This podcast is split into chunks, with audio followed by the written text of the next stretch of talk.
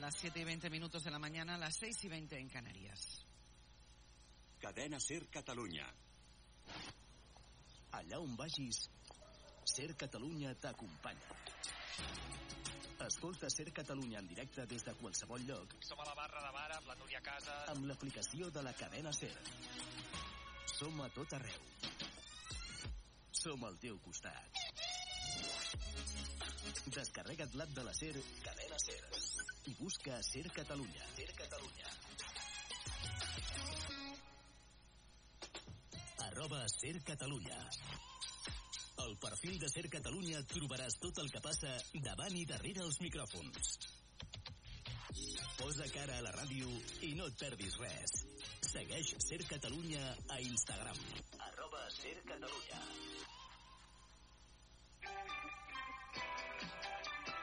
Ser Catalunya. La força de la conversa.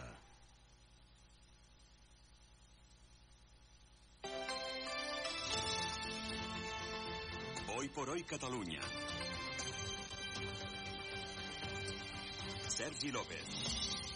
Què tal? Bon dia. Potser alguns en teníeu la sensació i avui des d'aquesta casa us ho confirmem. Creix la protecció a les ampolles d'oli perquè no les robin dels comerços. La pujada del preu de gairebé un 40% ha provocat que, segons la principal empresa de sistemes antirrobatoris, en poc més de 5 mesos s'hagi multiplicat per 3 el nombre d'ampolles amb sistema de seguretat dins dels supermercats. Ara ho ampliem, abans anem amb la informació servei.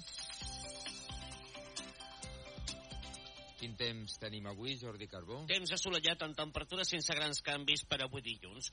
Ara fa una mica de fred, eh, tenim 8 graus a Vilanova i la Geltrú, 7 a Tortosa, 1 sota 0 a Trem, 2 graus negatius a Puigcerdà.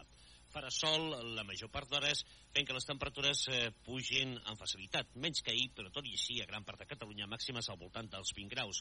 L'excepció, el Pla de Lleida i l'Altiplà de la Sagarra, on la boira persistirà mantinguent l'ambient fred. Demà més núvols, eh, però fins a finals de setmana no esperem que aquests eh, comencin a deixar pluja. Anem ara al RAC per saber com està el trànsit. Alex Huguet, bon dia. Molt bon dia. El matí comença amb alguns problemes a la ronda litoral de Barcelona. El tram habitual de Sant Adrià i el Fòrum en sentit sud. Ara mateix es registra molta lentitud a l'espera de confirmar-se una incidència. Comencen a haver-hi més de 3 quilòmetres de retencions a la ronda de dalt en el mateix sentit des de Santa Coloma i el Nus i ara també registra un accident a la 2 entre Sant Vicenç dels Horts i Sant Feliu de Llobregat, un tram complicat en sentit Barcelona que ara mateix talla el carril dret, va acumulant congestió durant 3 quilòmetres i que per tant també afecta l'enllaç des de la B23. Finalment, a l'AP7, com sempre, al Papiol en sentit sud hi ha 3 quilòmetres més d'aturades. És tot des del RAC. Molt bon dia. Bon dia i gràcies, Àlex. Eh, hi ha també algun problema, Carles Couso, bon dia. Hola, bon dia, Sergi. A Rodalies. Sí, un cop finalitzades les actuacions de DIF en una de les fases d'obres del desdoblament de la línia R3, ahir, diumenge, es va recuperar la circulació ferroviària habitual en aquesta línia. I entre les franqueses i la Garriga, a hores d'ara, hi ha un retard de viatge entre uns 10 i 15 minuts. Ens diuen des de DIF que estan treballant per fer un seguiment de la situació. És dilluns, eh, 5 de febrer del 2024.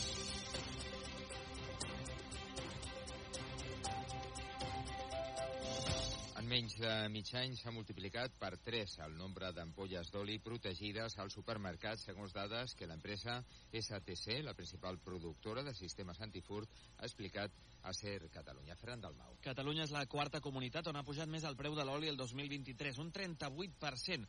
Això comporta més robatoris d'ampolles i, com a resposta, més dispositius de seguretat per fer-hi front. Salvador Canyones, soci director de STC. De fet, per protegir les ampolles d'oli utilitzen la mateixa, eh, el mateix sistema que protegir les botelles de, de cava. Segons un estudi de la pròpia empresa, fins ara els productes més robats eren el cava, les escopinyes, la xocolata, el cafè i els productes d'afaitar.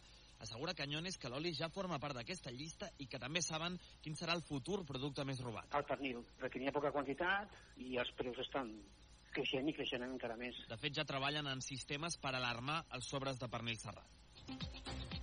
El fiscal del Tribunal Suprem, Álvaro Redondo, no considera que hi hagi terrorisme a les protestes de Tsunami Democràtic. Ja és el segon fiscal, també conservador, que contradiu la tesi del jutge García Castellón. L'últim ha estat el fiscal del Tribunal Suprem que rebutja imputar a Carles Puigdemont i la resta d'investigats per terrorisme, com pretén el jutge García Castellón.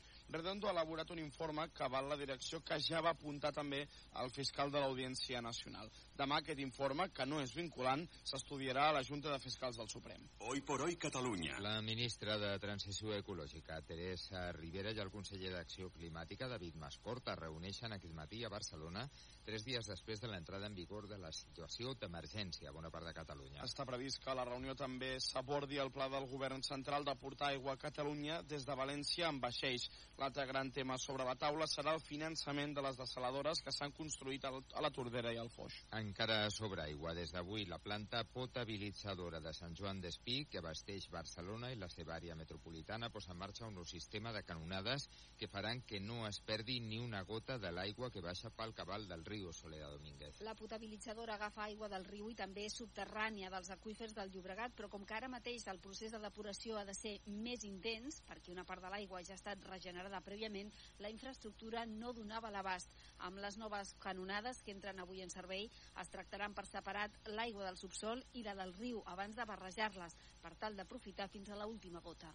I quan són les 7 i 26 minuts del matí, us expliquem que la Guàrdia Civil, la Policia Nacional i els Mossos d'Esquadra investiguen els vincles entre un homicidi a Lleida i dos a Navarra. En els tres casos, la víctima ha estat un pagès d'edat avançada i el crim s'ha produït al camp. Martí Rodríguez.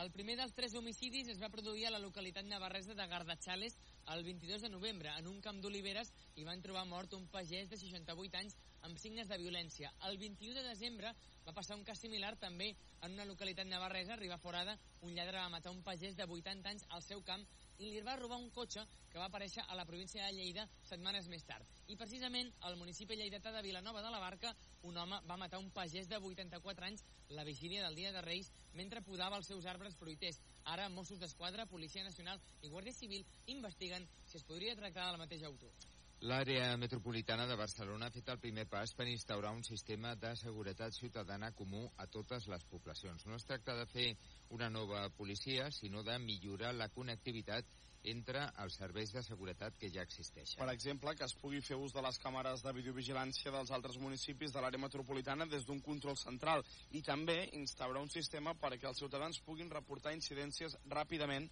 als cossos de seguretat. sense tenir que obrir el mòbil, si tu et sents que la persona que tu creus que pot agredir, tu li dones a l'icona, d'acord? I ràpidament la policia està allà. És el vicepresident de l'AMB, Antonio Balmón. Hoy por hoy Catalunya. Ahir va ser el Dia Mundial de la Lluita contra el Càncer i alguns oncòlegs van aprofitar per recordar que si bé les xifres de curació són cada cop més esperançadores, no ho són per igual a tot arreu. Com acostuma a passar a, sempre a les zones amb menys recursos, els índexs de mortalitat pel càncer són més alts. Segons un estudi de l'Oficina Europea de Patents, entre el 2015 i el 2021 han augmentat un 70% els avenços pel que fa a la cura del càncer. Tot i això, Al final nosaltres vivim al primer món i tenim accés d'una manera més o menys bona no? a les innovacions i als nous fàrmacs i als nous tractaments, però no hem d'oblidar que, que també hi ha part del món no? de, de pacients oncològics que viuen en altres països subdesenvolupats o en vies de desenvolupament que, que no tenen aquest accés. és Gemma Vinyes, oncòloga de l'Institut Català d'Oncologia. Ahir, coincidint amb el Dia del Càncer, associacions i fundacions van celebrar activitats per recaudar fons per la investigació i també per, pel suport a familiars i malalts de càncer. I ara parlem dels Premis Gaudí. El despertar sexual d'Helena Martín a criatures s'imposa en aquests premis. I el Gaudí és per Clàudia Malagelada per Creatura. Ariadna Ribas per Creatura. El Gaudí Ho escoltàvem, eh? L'equip Creatura ha recollit els principals guardons de la nit, el de millor pel·lícula, direcció, muntatge i premis interpretatius per Clara Segura, Àlex Brendamur i Clàudia Mal Mal Malagelada.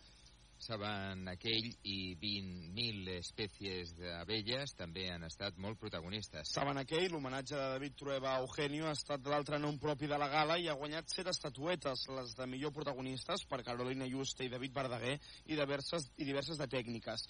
20.000 espècies d'abelles de Cibaliz Urresola s'han dut tres estatuetes. El Gaudí, a millor pel·lícula en llengua no catalana, direcció novella i fotografia. I esports, el Barça masculí redueix distàncies amb el Madrid, Xavier Saissó. L'empat in extremis de l'Atlètic de Madrid al Bernabéu apreta una mica més la Lliga. Ara el Madrid és líder amb dos punts d'avantatge sobre el Girona, 8 sobre el Barça i 10 sobre l'Atlètic de Madrid. Queden encara 15 jornades per al final i dissabte el Girona visita el Bernabéu. Això sí, veurem al llarg de la setmana si es confirmen per sanció les baixes de Yangel Herrera, Blin i l'entrenador Mitchell. El Madrid va tenir el partit a la butxaca, però una errada defensiva dona vida a la competició. Son las siete y media, las seis y media en Canarias.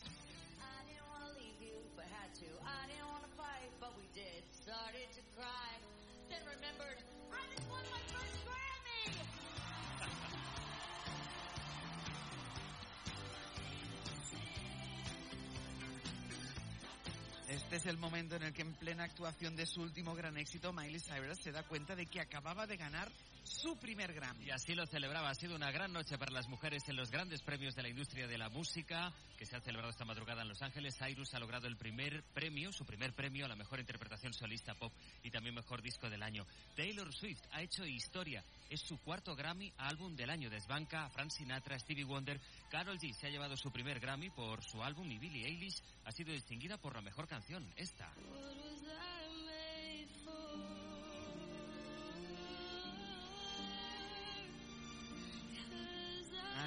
Ha cantado Nothing Compares to You durante el recuerdo a los artistas que han fallecido, un homenaje a Sidney O'Connor.